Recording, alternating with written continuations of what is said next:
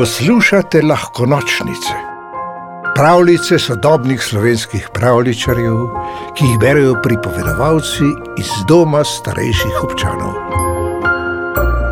Držimo skupaj. Kdaj bo že nehalo deževati, se je jezila veverica Ernestina. V takem vremenu me niti čiščenje ne veseli. V Ernestininem gnezdu je bilo vedno vse kot iz škatlice.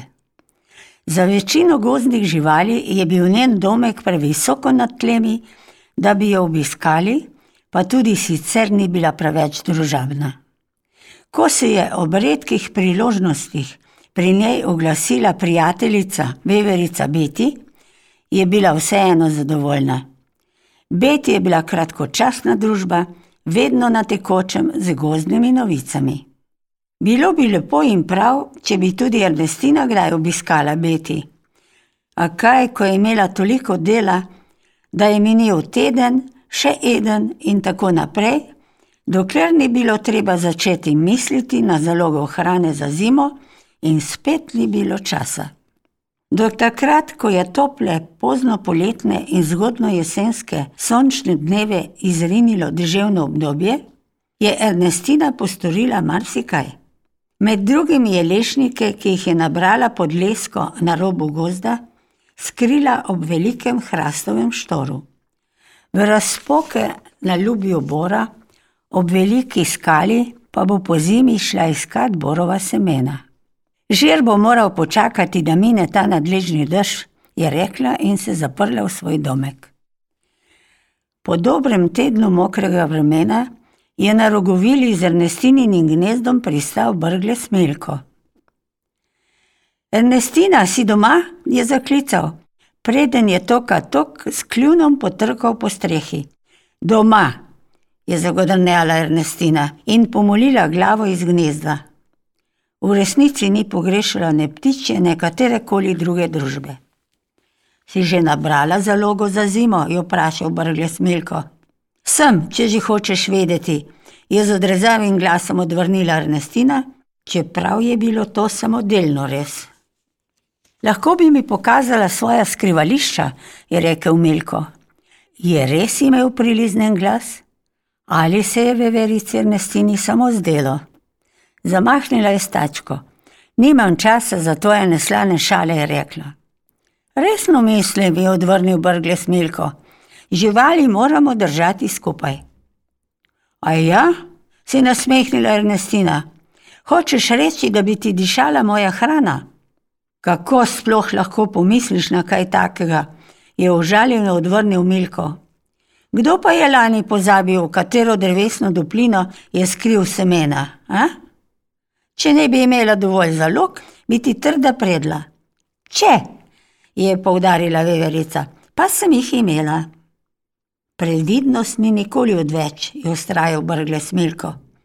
Če bi si zaupala, kam sva skrila hrano za zimo, bi si lahko pomagala, če? Pozabi, ga je prekinila veverica Ernestina, bom že sama poskrbela zase. Pa nič, je jezno odlesnil s kljunom, brgle smilko in že je odletel. Po dveh pozno jesenskih sončnih dneh se je z neba spet ulilo kot iz škafa. V takem vremenu res ne morem z doma, je sklenila Ernestina in se zakopala v svojo mehko posteljico. Ker je imel tisto jesen dež mlade, so bile njene zaloge hrane, ko je na vrata potrkala zima, mnogo skromnejše kot pred letom dni.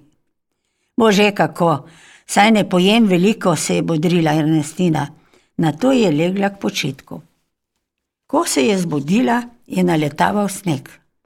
Gozna tla so bila že prekrita s tanko snežno odejo. Ernestini je zakrulilo v želodcu. Hitro polešnike k hrastovemu štoru je rekla. Izkazalo se je, da prvi štor ni pravi, tudi drugi ne. Šele pri tretjem je zavohala skrite lešnike. Še dobro, saj se ji je od lakote že pošteno vrtelo v glavi.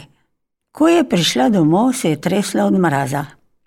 Toka tok je potrkalo po strehi. Smem naprej, se je oglasila veverica Beti, zebe me. Mene tudi odvrnila Ernestina kar naprej.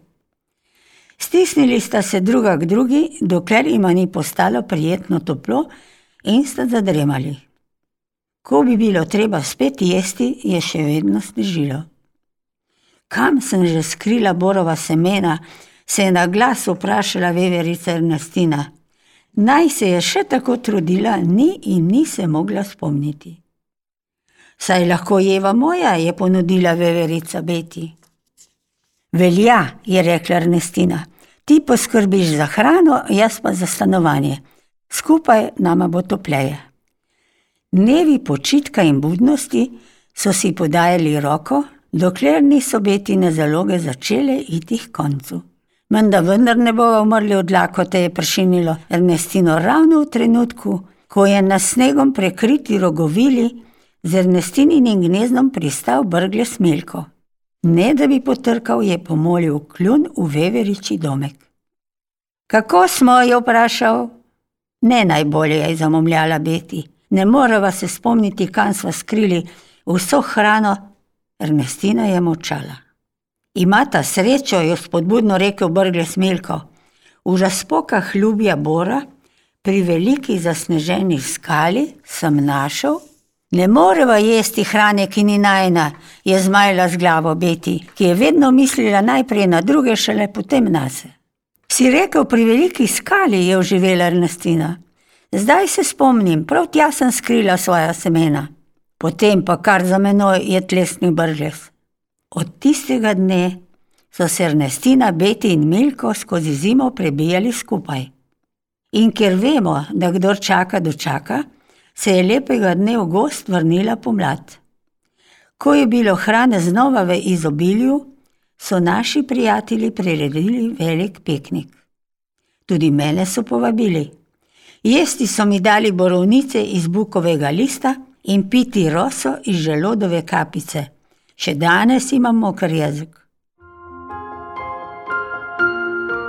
Pravljico napisala Cvetka Sokolov, pripovedovala Mimi Žerjav.